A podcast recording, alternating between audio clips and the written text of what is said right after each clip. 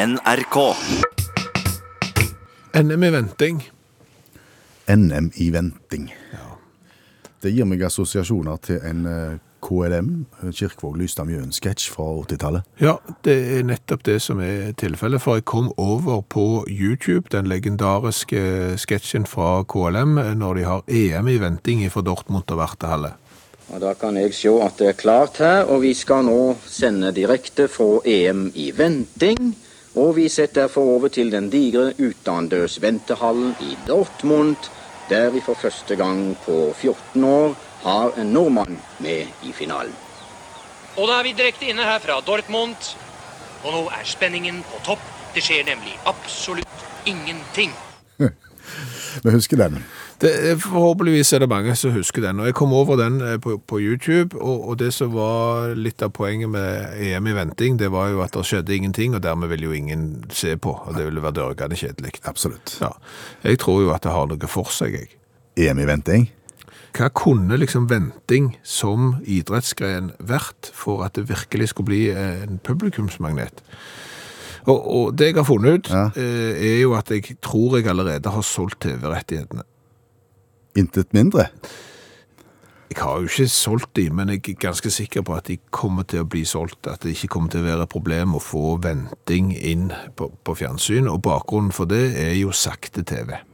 Ja, som har blitt veldig populært. Altså sånn minutt for minutt-TV. Inn i et fuglehus eller på ei hurtigrute eller Ja. Ja, og, og størsteparten av tida så skjer det jo ingenting. Nei, nei, nei. Nei, det er stort sett kliss likt, så du kan se eh, litt, og så kan du gå vekk en halv dag, så kan du komme tilbake igjen, og så er det stort sett likt. Derfor så tror jeg jo at eh, venting som idrettsgren kunne ha litt av det samme som, som sakte TV. Der hadde vi gjort det dårlig, du. Du og meg. Venting, ja. Ja, ja. ja, ja, vi blir så kolossalt utålmodige. Ja. Eh, Men i tillegg da til eh, slow-TV-aspektet, Mm. eh, så har jeg jo tilført ventingen noe som jeg tror eh, gjør ventingen mer utfordrende. Fordi hva, er det vi skal vente på? ja, men hør nå her. Ta en, ett steg av gangen. EM i venting fra KLM, Dortmund til Vertehalle. Der sitter jo folk på en stol og gjør ingen verdens ting. Altså. Og da har du en idrettsgren eh, som ikke er så spennende, synes jeg, for da er det jo sånn at ok, her er det noen som klarer å sitte på en stol. Hvor lenge klarer de å sitte på en stol? Det er til og med de som klarer å sove på pinnestol. Jeg kjenner noen av de. Og, og da kan du gjerne sitte der i i dagavis, for alt jeg vet, og, og du har fått en idrettsgren som bare handler om hvem som er fysisk sterke nok til, til å sitte. Ok, så du må tilføre noe mer enn som så? Psykisk. Ja. Hvem er psykisk sterke nok til å vente? Hva tilfører du da? Panfløyte. Av stor pågang må det påberegnes noe ventetid. Du er nå nummer 2486 i køen. Vennligst vent. Deltakerne mine i eh, NM i venting Ja. skal hele tida bli Ja, det, oi, hvorfor det? Jeg, ble, jeg klarer ikke 14 sekunder engang. De skal hele veien bli eksponert for panfløytemusikk og nedtelling. At du er nummer et eller annet i køen. Åh, ja. ja nå, nå kjenner jeg at dette var noe jeg ikke hadde klart å vente lenge på. Nei, du, du, hvor, hvor lenge klarer du å sitte i en sånn telefonkø? Altså Når han kommer for tredje gang Ja. og sier at jeg kan gå inn på nettsiden hvis jeg ønsker mer informasjon, det har jeg gjort! Selvfølgelig, jeg har jeg gjort det. Det er derfor jeg ringer, fordi jeg ikke har funnet den informasjonen jeg skal ha på nettsida. Er du helt løk? Ja. ja. Når, den kommer for tredje gang, da er det nok. Da er det nok, Ja, ja, ja. Så, så det er klart at i det øyeblikket du blir eksponert for panfløytemusikk, Mm. da får du en mental styrke som du òg kan måle, i tillegg til den fysiske styrken å sitte og vente. Ja, og, så- må du jo ikke sovne fordi at du skal være klar når det blir din tur. Er det litt av spenningsmomentet? Selvfølgelig. Altså, på et eller annet tidspunkt så blir det din tur, og hvis du da ikke er klar Mm. og agerer på at 'nå var det min tur', ja, da har du jo tapt. Tid blir det eh, arrangert mesterskap, tror du? Eh, Får vente og se? Uff. Det fremdeles stor pågang, og det må påberegnes noe ventetid. Du er nå nummer 3486 i køen. Vennligst vent. Du er nå nummer øh, i køen. Vennligst vent.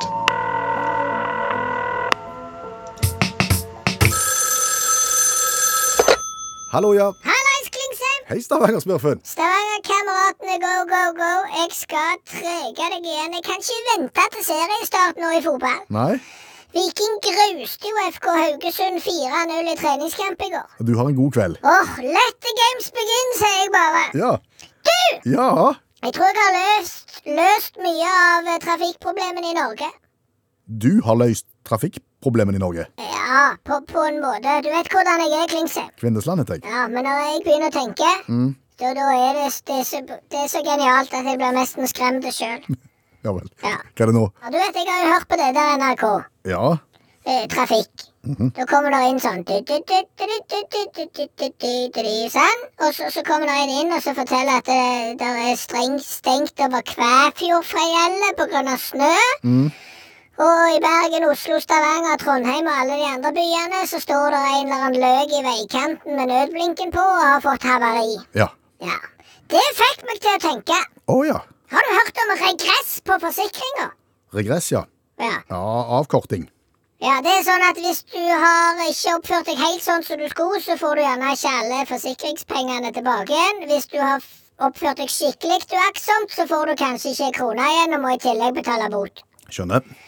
Det tenkte jeg, sånn kunne det vært i trafikken òg når det er det å lage kø. OK. Hvis du kjører en bil som er i dårlig stand, og havarerer på motorveien, og det blir kø, da må du betale A for bilberging. B. Det blir satt ned ei nemnd som skal se på om dette har store samfunnsmessige konsekvenser å skape kø på motorveien i rushet klokka fire. Hvis svaret på det er ja, så må du gjerne betale da en bot. Men hvordan skal en vurdere om bilen er Altså, du, du kjører uaktsomt dårlig bil? Ja, For det første må du være EU-godkjent. Ja. Men det er ikke sikkert det er nok. Nei. Det er mye dårlig som er EU-godkjent. Du må òg kunne framvise eh, fullt servicehefte og ha fulgt serviceplanen på bilen. Og hvis ikke, så kan det bli dyrt for deg. Hvis ikke kan det bli dyrt for deg. Og kan du tenke deg det hvis du har noe sånn hengende over hodet? Da tar du jo ikke det der gamle vraket ditt ut på veien da, hvis du risikerer risikere å få 50 000 kroner i bot for å ha skapt trafikkork med kvadda. Det, det, det er helt sant, det. Det er genialt! Har du, har du lufta det for noen, dette her? Eh, Jeg har diskutert det med naboen min, ja. Med Kajakken. Ja, hva sa han? Han er riv ruskende uenig. Han er uenig, ja. Ja. Det er jo fordi han er jo en av de som skaper kø. Selvfølgelig. Han kjører jo noe gammel drit. Jeg tror det er en hybrid. Ja, ja, sånn som går på både strøm og batteri? Nei, nei, nei, det er en hybrid. Jeg tror det er to biler satt sammen. Jeg tror det er en Skoda framme, og så er det deler av en Opel bak. Du vet, Han kjøper jo sånne gamle vrak. Så tenker han der er det deler jeg kan bruke. Så kan han ikke bruke de delene, så må han kjøpe en annen bil, og til slutt så er jo gårdsrommet fullt. Og nå har jo kajakken kjøpt seg en gård. Ja vel? Skal han bli bonde? Langt derifra. Ja. Eh, Bare for å få et stort gårdsrom og ei løe til å sette all den der gamle driten som han kjøper. Det er eneste grunnen han har kjøpt en gård på. Det burde vært forbudt. Ja, Det er ikke fint, det, men det går, der er en del av de gårdene der hvor det står masse biler stua ut på, på, på jordet. Ja, gårder, der er jo folk setter jo gamle Chevroleter i skogsolt. Ja. Det er jo ikke riktige. Nei. Det burde vært forbudt, det òg. Å ja, du, du er der i dag, ja. Ja, det, nå snakker jeg miljøets sak. Så fint. Ja, ja. Er du ikke enig? Jo, jeg vet du hva, jeg, jeg er enig i, egentlig i begge kampsakene dine i dag. Ok, vil du sitte i nemnda? da? Hva, hvis du kan skaffe meg en plass i nemnda, er det godt betalt? Det, for, jeg tror for din del må det være dugnad. Ok, Det er bare nemndstyreren som har betalt verv. ja vel. Ja. Og det blir deg? Det ser sånn ut, ja. Etter sist opptelling av innkomne stemmer, så ser det ut som at jeg er valgt enstemmig, ja. Ja. Med formannens dobbeltstemme. Da, tar vi det derfra, da. OK, snakkes! Ha det! Hva heter de som eh, liksom klarer å forandre eh, frukt og grønt og, og sånn til å bli noe annet? Hva de heter? Ja, hva, hva jobb har de? Er de forskere? Er de eh, gartnere? Er de Fruktinnovatører, frukt...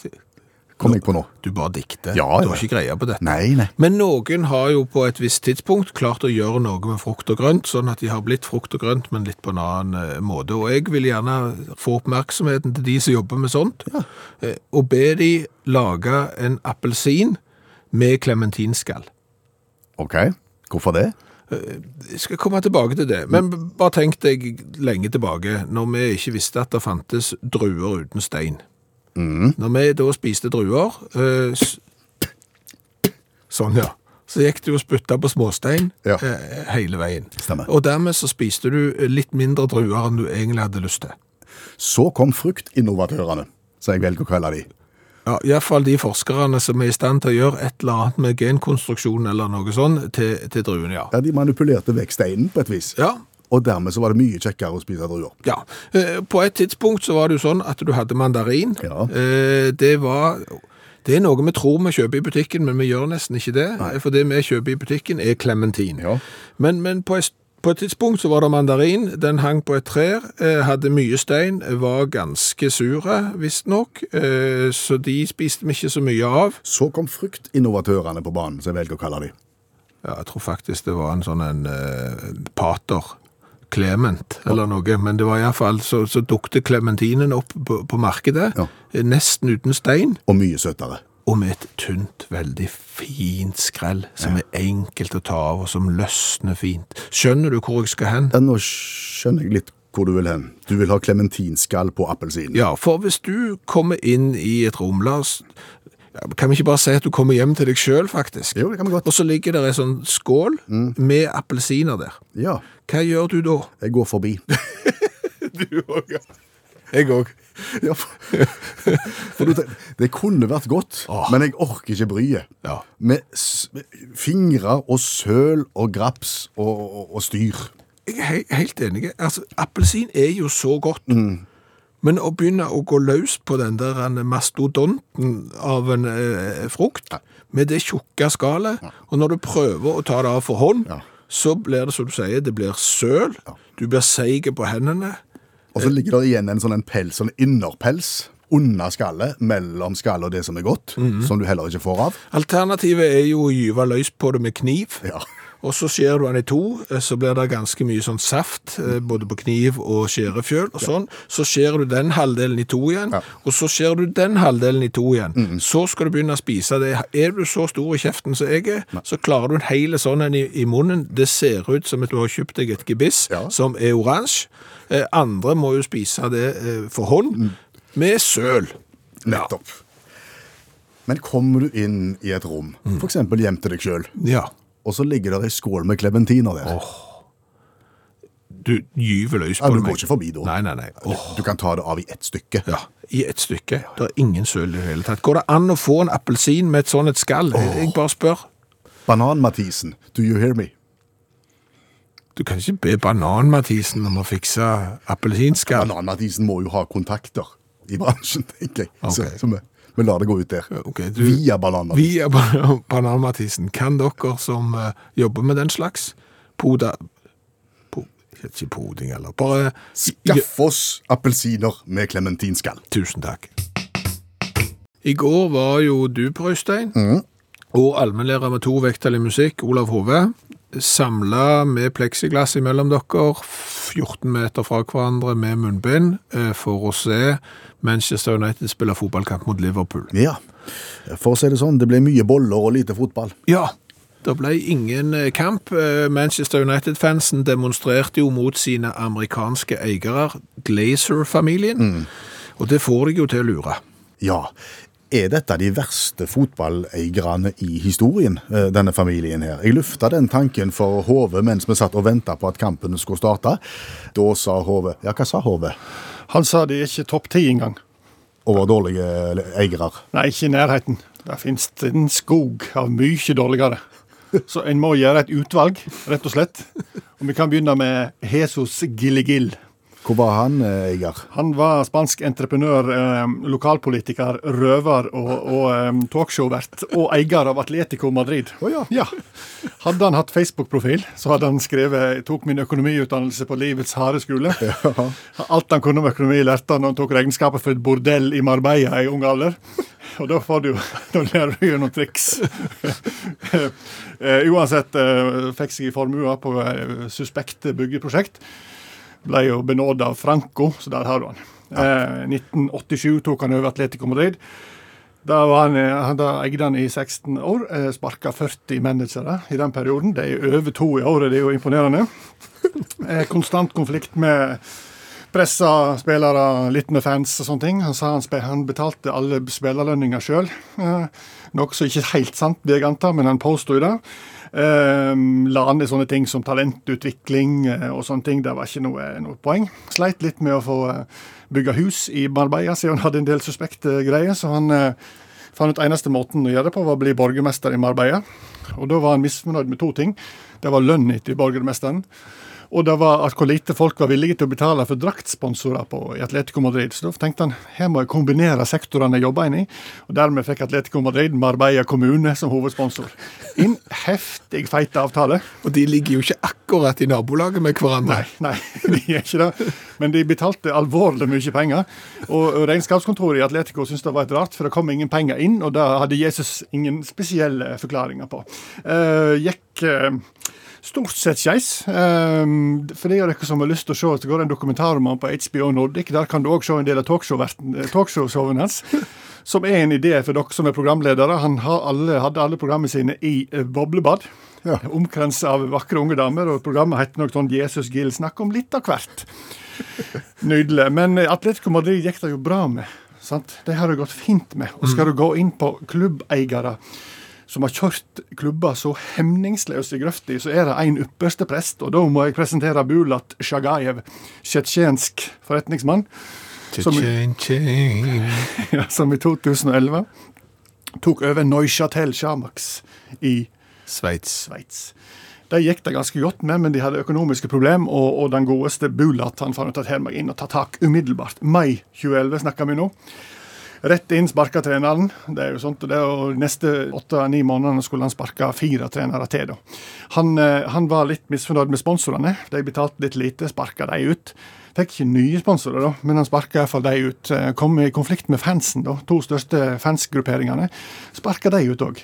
De, de, får ikke lov å være her. Så eh, tapte de 2-0 mot Basel. Og Da sparka han treneren igjen.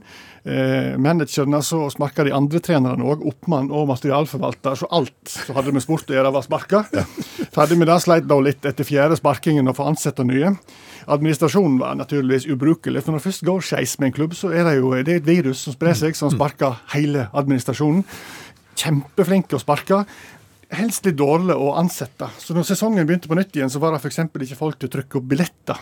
Noe som gjør at når du da har kastet ut supporterne, ingen trykker opp billetter, så går det litt skeis. Midt oppi det her koket her så kommer sveitsiske myndigheter på banen og sa «Eh, du har ikke oppholdstillatelse. Å nei. Dermed ble Sjagajev utvist. Da ble han sparka? Da ble han sparka. Neuchatel satt under administrasjon og kasta ut av seriesystemet. Så under ett år, om vi sier nytt år 2012, så har Shagayev klart altså å sparke samtlige ansatte. Han har mista omtrent alle inntekter, og han har fått klubben ned fem divisjoner. Da snakker vi dårlig eier.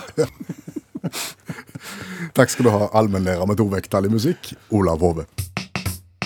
Strømming av musikk har jo medført en del problemstillinger som vi ikke var vant med før mest glede, ikke så mye problemstilling, vil jeg si. Nei, altså nå er det jo sånn at Spotify tjener jo så mye penger at nå vil han svensken kjøpe seg Arsenal fotballklubb. Ja. Uh, sånn at uh, han kan bruke de pengene som kanskje egentlig skulle gått til artistene som ikke får betalt fordi han spiller musikken deres på Spotify. Skal lønne Martin Ødegaard i stedet? Ja, uh, så det er jo én problemstilling. Mm. En annen problemstilling er jo det at sangene gjerne kommer litt i hytt og, og gevær og, og litt vilkårlig.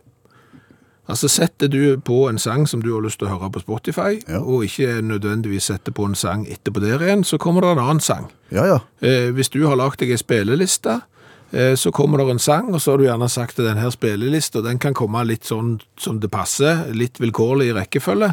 Da kommer det en annen sang etterpå der igjen. Ja, Det kan være kjekt.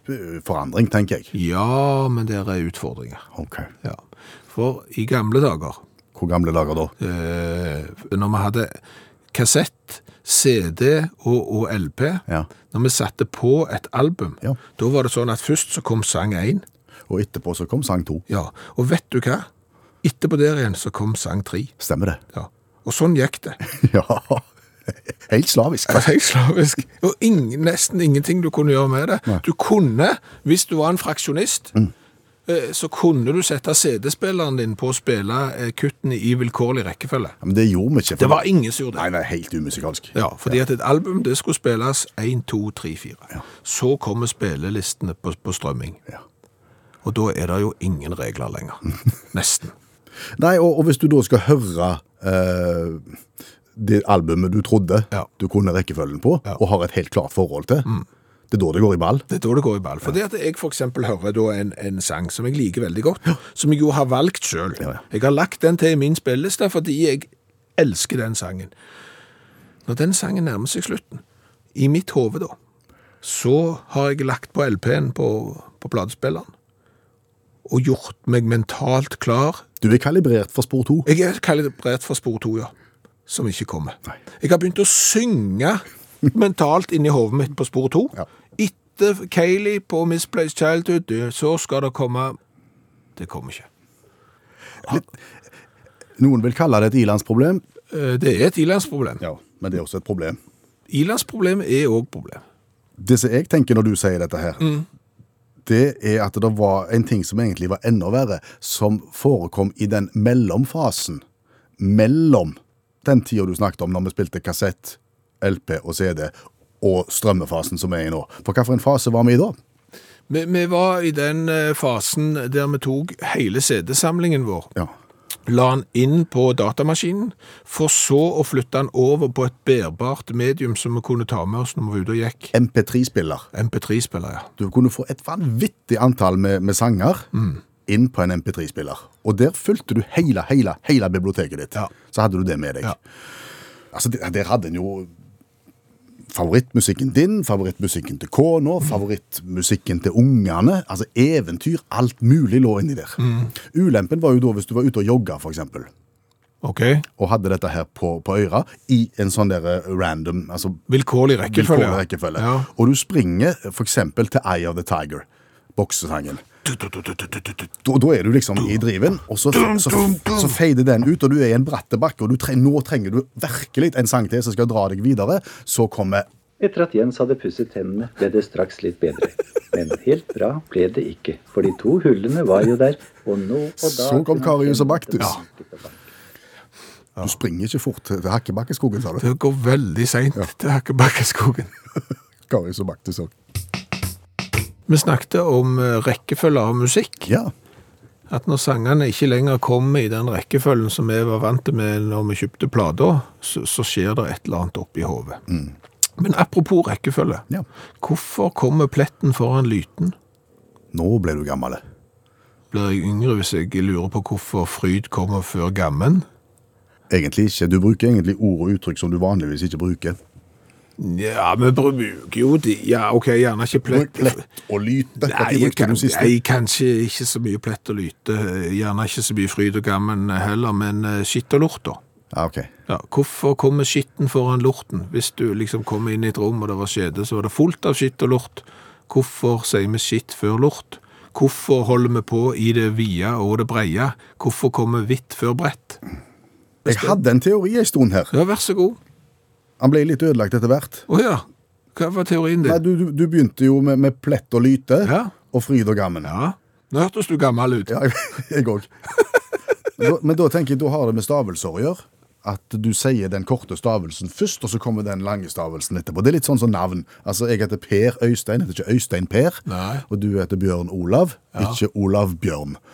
Eh, Så det har med at det flyter lettere hvis den korte kommer før den lange. Ja, det er jo en teori som bare gjelder i deler av dette landet her.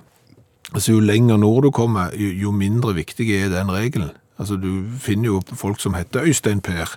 Tenker du at uh, Britt Jorunn kan bli til Jorunn Britt? Det er der eksempler på, ja. At, at folk ikke følger den der teorien som du har her, med at det, den Det burde, letteste... da vil jeg si det burde de gjort. Ja, det burde de gjort, det er jeg helt enig i, men det forklarer jo ikke alt. Og og det jeg lurer på her, mm. funker jo bare så vidt. Fordi at det plutselig så skal du da hyle og skrike. Ja, ja, og okay, skitt, kanskje- skitt og lort, det var jo like. Ja, mens og kreti og pleti, for eksempel. Det er jo ikke lettere å si kreti enn pleti. Nei. Pleti er like lett å si som kreti, så den teorien din, den eh, går ned med brask og bram. Hva er kreti og pleti? Ja, det er Hvis du, alt. kan du separere kretien fra pletien? At du bare kan operere med kleti. Nei, pre, pre, pre, kreti, og ikke pleti. Nei, det er jo det som er litt av eh, greiene. Disse her setningene her kommer jo ofte da i par. Ja. Så, så om du eh, kan bare operere med gammen og ikke fryd, eh, det er jeg litt usikker på. Men nå sklir du Ja. dette her ut. Har ingen forklaring på hvorfor den ene kommer før den andre. Det Nei. har nok bare med tradisjon. Ja, og da tenker jeg at kanskje, bare for gøy, mm. så kunne vi begynne å bruke disse her innarbeidede uttrykkene i motsatt rekkefølge. Bare for å være ville og galne. Ja, jeg tror det kunne tilført eh, en hel eh, haug. Godt humør og, og fått folk til å undre seg litt. Så hvis du kommer og sier det er pleti og kreti, så tenker du at folk slår seg på låret og sier nei, nå? det er jeg ikke sikker på, men Nei. hvis du begynner å snakke om mørke og mulm, Ja, kan- istedenfor mulm og mørke, i vil nattens mørke og mulm. Ja, eh, og at du eksempel da kom med bram og brask istedenfor brask og bram, og at når du da hadde kjøpt noe, og det var sykt billig, så fikk du det for ingenting og slikk. Ja. Det var såpass rimelig at jeg vet du hva, jeg betalte ingenting og slikk. Gøy. Hva er slikk? Det er ingenting, antageligvis. Kan du, kan du kjøpe noe for bare slikk? Ok. Nei, her er det ikke mer enn vei og tider, for å si det sånn, for å finne ut av dette. Og så er det viktigste å skille mellom kanel og skitt. Ja. Og Og veten fra Clinton. ja, eh. Er du klar til å konkurrere? Ja, jeg er klar, men jeg ønsker at flere skal få være med. Jo, men dette er jo en eh, konkurranse der du kan konkurrere med deg sjøl, de du har eh, rundt deg, eller egentlig hvem du vil. Du, du får en oppgave, og så er det bare å svare kort og konsist, og så får du fasiten rett etterpå. Og da kan du sitte med en mestringsfølelse eventuelt og si ja, men det var jo det jeg sa, eller så bomma du. Ok. Ja. Har vi lagd en egen vignett til, til, til konkurransen? Ja. Ja, det har vi. Let's go party down in the I dag Hvorfor blir jeg alltid i godt humør av den? Nei, det, det hjelper, det. Ja. For, men han passer ikke godt. Nei. Og kanskje enda dårligere i dag, for, for jeg har nemlig lagt en fleip eller fakta-konkurranse i dag. Akkurat. Ja. Ja, ja, men hvorfor ikke? Nei. Og da er det jo opp til deg, og deg, og deg, eh, og deg Brøystein, Øystein, eh, å finne ut det er det fleip eller fakta det jeg nå skal legge fram. Ok. Ok, første. Det arrangeres World Orgasm Day for Peace. Altså arrangeres der en verdens orgasmedag for fred. Ja. Det er ut 100 sikker på det i, i USA. Ja. Er det sant? Det gjør det, ja. Ja. Jeg, jeg, jeg, jeg skjønner det ikke. Altså, Ideen her var jo at deltakerne i Verdens orgasmedag for fred skulle jo da ha en orgasme i løpet av den dagen for å tenke på fred. Ja, nettopp. Og har da siden år 2000 vært arrangert eh, på 21. eller 22. desember. Rett før jul. Ja, og det er det jeg tenker, er det dagen å arrangere eh, Verdens orgasmedag for fred? Nei. Nei, altså Da har du vært ute, og du, der- du mangler presanger, og juletrefoten er slags kanten, og du har andre ting å tenke på. Og så skal du tenke på orgasme for fred? Nei. Uff. Videre.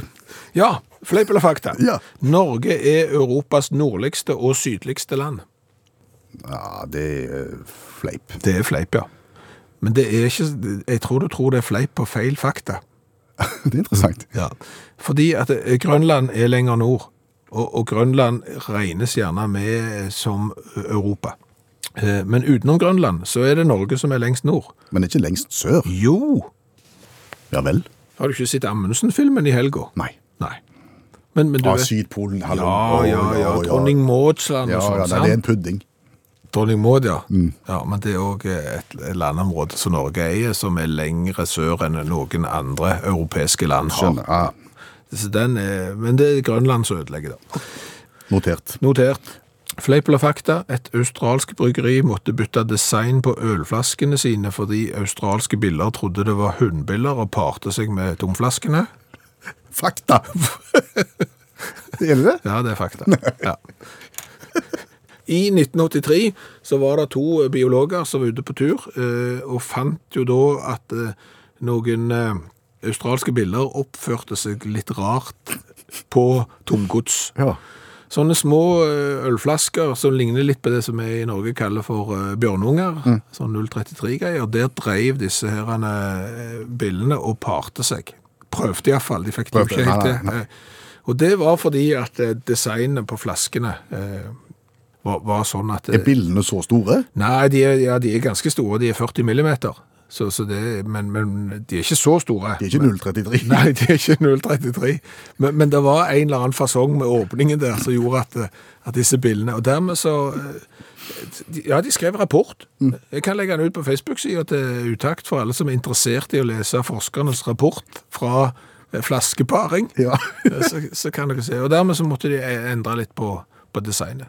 Det bare viser jo at du skal jo heller ikke hive tomgods i naturen. For du vet ikke hvem som kan pare seg med det.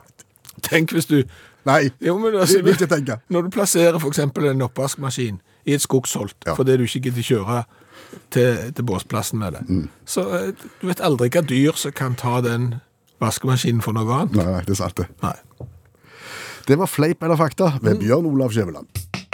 Jeg har fått en melding fra Svein Helge. Ok, hva skriver Svein Helge? Eh, han skriver ikke så mye, egentlig. Han sender med en TikTok-video fra Budapest. Ok, Og det er jo det som er på videoen som er interessant. ok. Er det interessant, eller er det oppsiktsvekkende? Det er oppsiktsvekkende interessant. Å ja, Ja. kom an. Det er nemlig imitert brostein. Den viser imitert brostein. Nå ringer det ei bjella. Ja, den videoen viser, og, og Svein Helge kom jo på dette siden han har hørt samtlige utaktpodkaster, eh, og kom tilbake til noe vi vel var innom i 2014 eller noe. Og i denne videoen, heldigvis så har jo jeg et trent fotografblikk.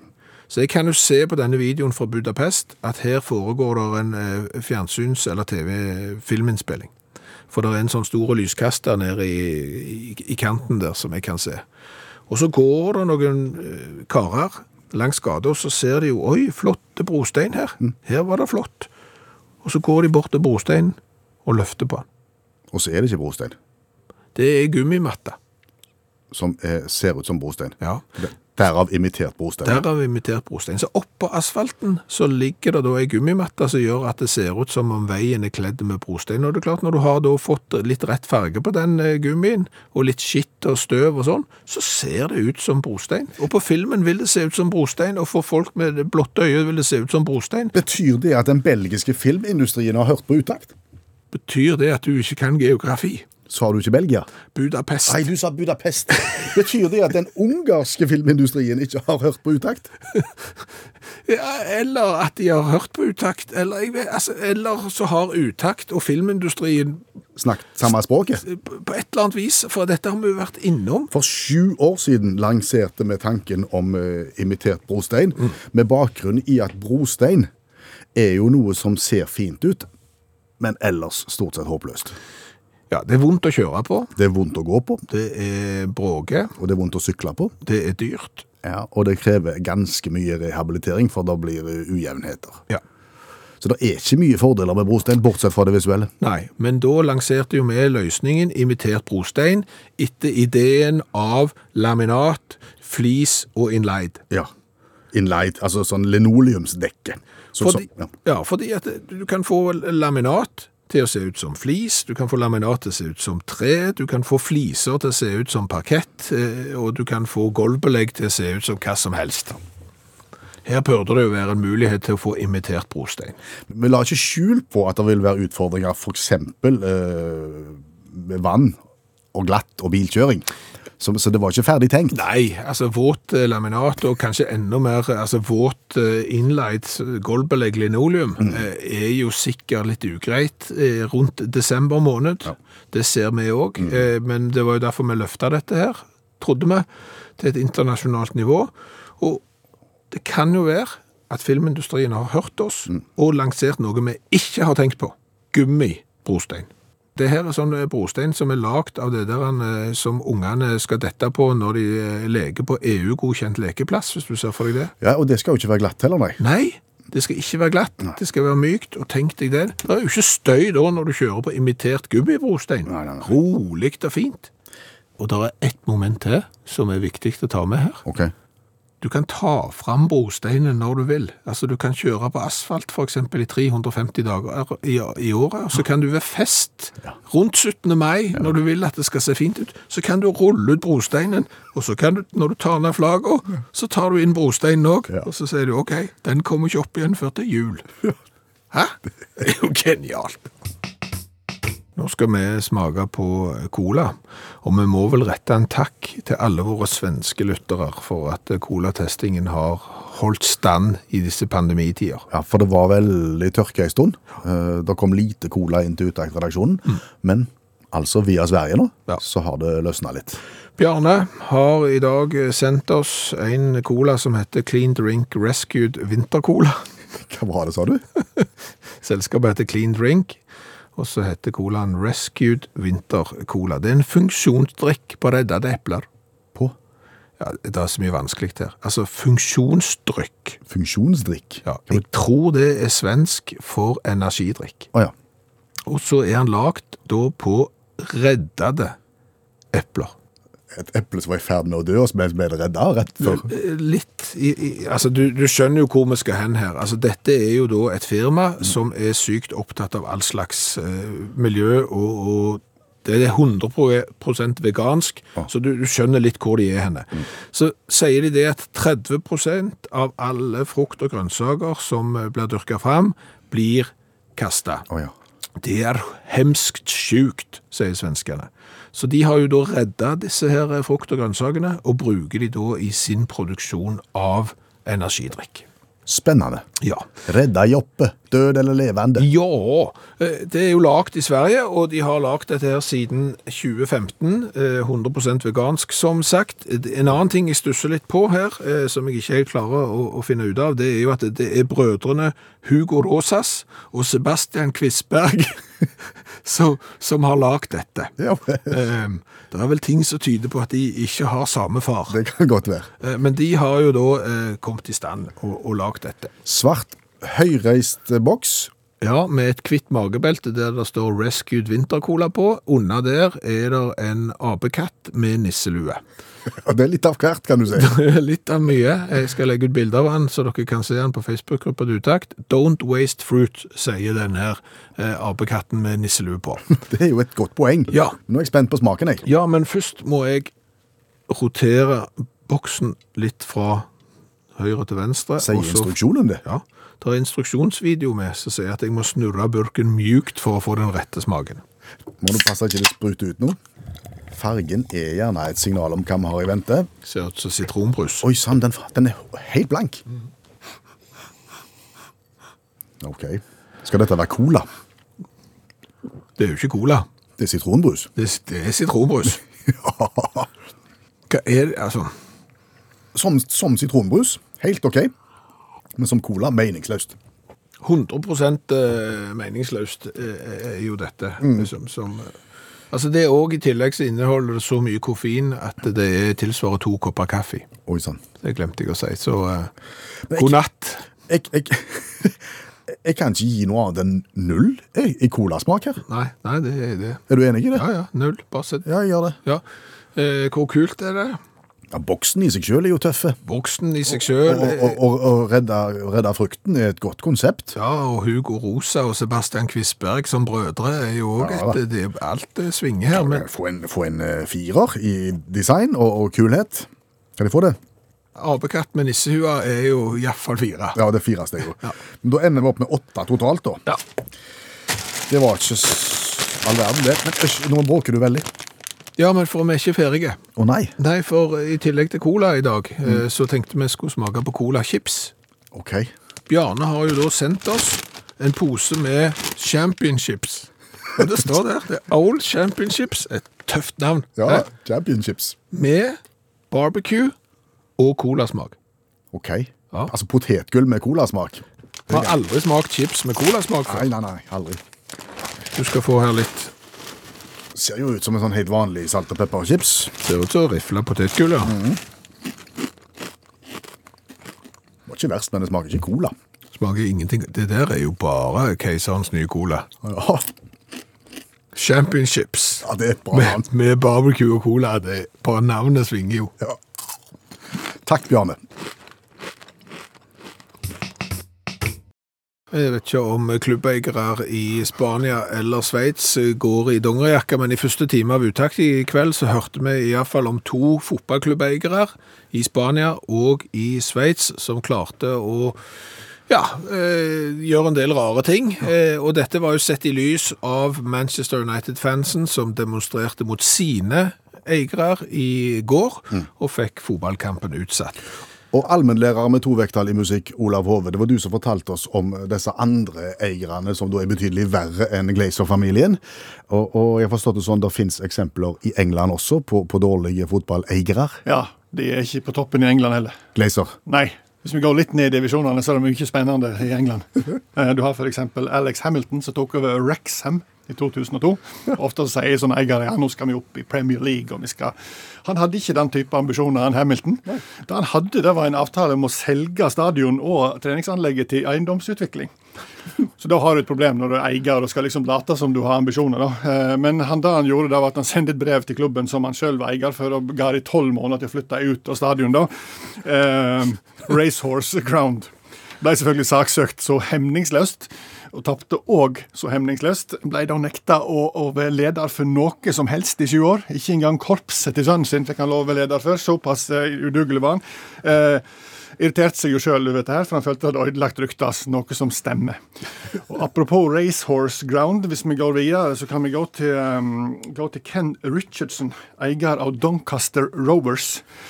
Og han hadde hatt litt uheldige perioder. Han drev med hest, han drev med racehorses. Da, um, og Allerede i 1984 så kom han litt grann i skvis med loven, for han er på et løp i, i Leicester eide jo flere hester.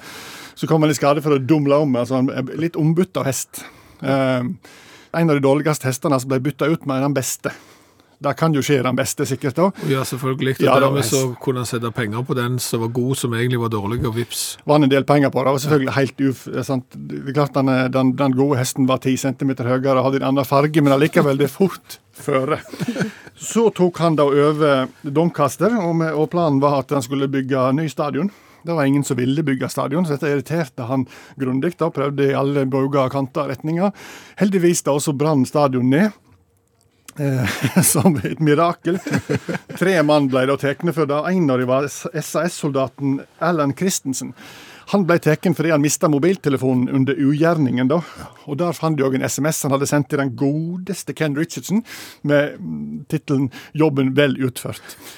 Ja, dermed havna han òg i fengsel. Um, klubben datt ned seks-sju divisjoner, datt ned én divisjon for hvert år han eide den, eh, og nå er han på nivå fire. Så er det sånn at hvis du er banditt nok, men så, så, så, så får du litt sympati, da. Og hvis vi går til George Reynolds, skapsprenger og eier av Darlington Livnærte seg som skapsprenger, og titulerte seg sjøl som den fjerde beste skapsprengeren i britisk historie. Og Da sier de ydmyk mann, sant? Jeg var ikke best, men fjerdeplass.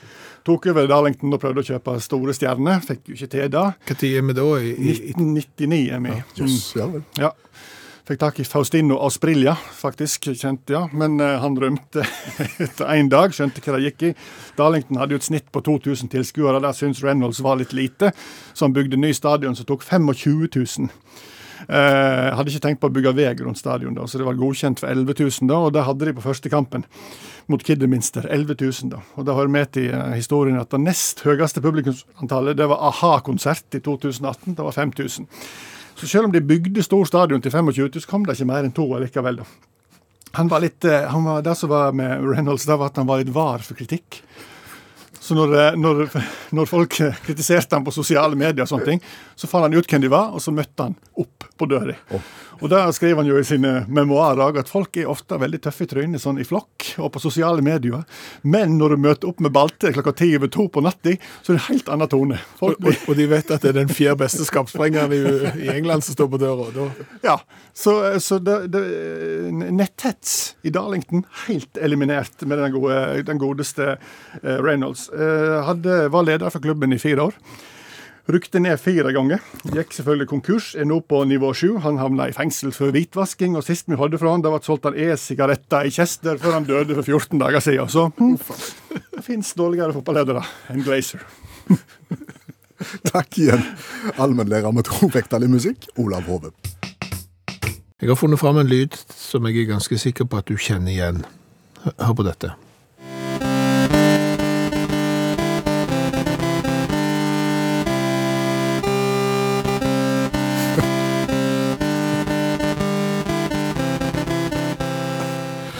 Det var minner. Ja. Det var lyden av det mest fantastiske dataspillet du kunne få til Commodore 64 på 80-tallet. Summer Games. Altså olympiske leker. Det var svømming, det var stavsprang, det var 100 meter, Ja. det var all slags isbed, sinnssykt dårlig musikk, elendige grafikk. Ja, ja, de, men, men den gang enormt bra musikk og enormt bra grafikk. Ja. Det var jo det vakreste vi hadde sett. Og klart, skulle du være god i Summer Games, så måtte du ha håndlag med joysticken. Ja, joysticken var jo den du styrte utøveren med. Ja. Og som regel så handla det om å skyve den fulle, fulle, fulle, fulle fart fram og tilbake, fordi at da sprang utøveren. Og maraton var jo knallhardt. Det var å trykke på den røde knappen på høyre side og joysticken, Ja. og du skulle du måtte trykke. Ja, ja, ja, vi har skjønt det. Ja, og, og du havna fort i butikken og måtte kjøpe en ny joystick fordi at du hadde Ja, ja. Vi lurte jo på om det kunne være en, en slags et samarbeid der mellom de som ga ut Summer Games og de som solgte joystick, for du ødela jo joystick på Summer Games. Men jeg har kommet over Takahashi Meijin. Hvordan kom du over han? Eller hun? Fordi at uh, Takahashi, den han, uh, har jo da verdensrekorden i å trykke raskest på, Joystick. på knappen. Jaha. På, på eh, sånn videogame-kontroller. Han klarer å trykke 16 ganger i løpet av ett sekund.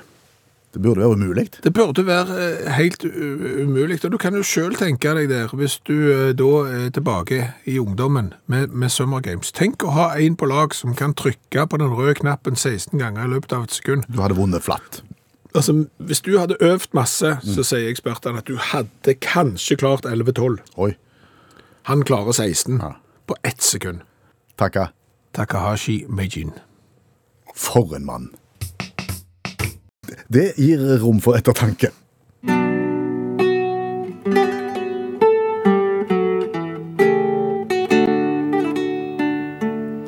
Så er det kvelden, snart natt, og så skal vi vel, de fleste av oss, snart gå til sengs, legge dagen bak oss. Ja, for når eh, dagen går mot kveld, eh, så er det jo tid for ord til ettertanke. Og vi, ja, jeg da, har jo vært litt kritisk til 90-tallets TV-program Ord til ettertanke, fordi jeg mente at det var flotte, fine ord, men det var ikke så mye til ettertanke. Nei, altså, du, du, du vil jo egentlig at det, ordet til ettertanke skal være en grublis. Og da tenker jeg at å servere en grublis rett før folk skal sove, det er ikke nødvendigvis smart, for da får du jo ikke sove. Og da var litt av ja, men det skal jo ikke gå utover meg. Poenget er jo bare at du, altså er det ord til ettertanke, så må det være ord som gjør at du tenker etter. Eh, Så det har jeg planlagt i kveld, ja. I kveld også, ja. Da vil du vel kanskje ha litt smektende gitarmusikk, da. Det må jeg ha. Ord til ettertanke. Nå, nå, nå er det deg. Nei, når dagen går mot kveld. Når dagen går mot kveld. Sånn, ja. Nå.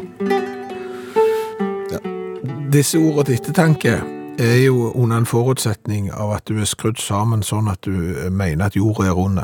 Altså Hvis du mener at jorda er flat, så kan du slutte å høre etter nå. Eh, Da gjelder ikke disse ordene til ettertanke deg. Ja, ok, men da har vi lukt vekk den. Da er det lukt vekk, og da kan vi komme med budskapet her. Siden jorda er rund, vil den som står rett til høyre for deg, òg stå til venstre for deg. Sykt langt til venstre, det skal jo være sagt, men den som står til høyre for deg, står òg til venstre for deg. Ser du for deg det? Jeg Skal ikke dette være til ettertanke? Nå må ikke du forstyrre. Nei, nei, nei, nei ok, bare tenk. Langt, cirka 40 000 km til venstre, faktisk. Men uh, står den som står til høyre for deg. Det var noe å ta med seg nå, når dagen går mot kveld. Du, hva har vi lært i kveld? Vi har lært en hel haug eh, om både kreti og pleti. Nå kommer den igjen. Ja, men det er jo uttrykk som henger sammen med et åg, eh, og som nesten er forutbestemt hva rekkefølge de kommer i. Det er skitt og lort og i det vide og det breie, det er plett og lyte og fryd og gammel og slikk og ingenting. Sa du fryd og gammel? Sa jeg det? Da hørtes jeg i hvert fall gammel ut, for det skulle være fryd og gammen. Ja. Det er sent på kveld. Eh, Men det er jo sånn da at hvis du bare bytter rekkefølge på dette, så tror jeg kanskje at folk begynner å høre mer etter, for da skjer det en forandring i språket som de, de nødvendigvis ikke hadde forutsagt. Sånn at hvis du har kjøpt noe sykt billig på tilbud, og har kjøpt det for ingenting og slikk, når du kommer hjem og forteller hvor billig det var. Da tenk, Oi, var det så billig? Det var så billig. Det er litt sånn som du sier diabetikere i stedet for diabetikere. Ja. Det høres mye gøyere ut. Det høres mye gøyere ut. Diabetiker har du ikke lyst til å være. Diabetiker, ikke så verst, det tror jeg faktisk. Nei, det vil du ikke. Hu- Humanetiker, kanskje, istedenfor humanetiker. Det er vår teori. Eh, Så har mulert det at sannsynligvis så kunne NM i venting vært en stor TV-begivenhet. Ja, sakte TV-begivenhet. Ja, men du må tilføre noe helt spesielt. Du må nemlig tilføre dette. Av stor pågang må det påberegnes noe ventetid. Du er nå nummer 2486 i køen. Vennligst vent. Panfløytemusikk. Ja. Og du er nummer i køen. Hvis du får det med, da får du virkelig kåre de som har tålmodighet og som tåler å vente, når du da har hørt panfløytemusikk i 24 timer med du er nummer 2455 i køen. Vennligst vent.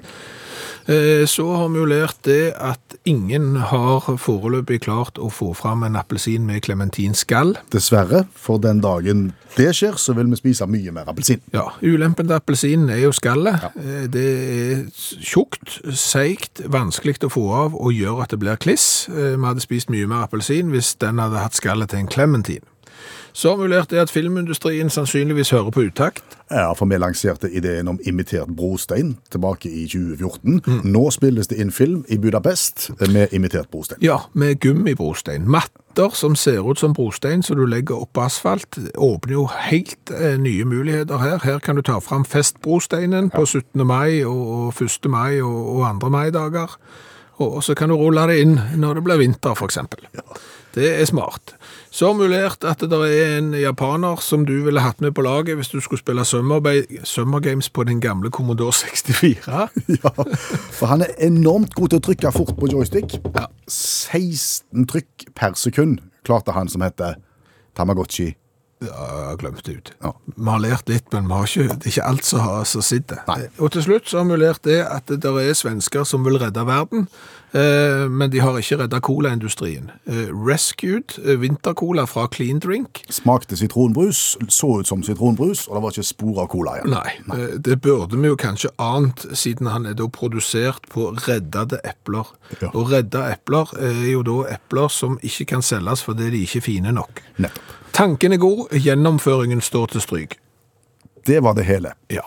Per Øystein Kvindesland, Bjørn Ola Skjævland heter jeg. takk for oppmerksomheten. Og vi glemte å si at det finnes chips med colasmak som ikke smaker cola. Hør flere podkaster på nrk.no podkast.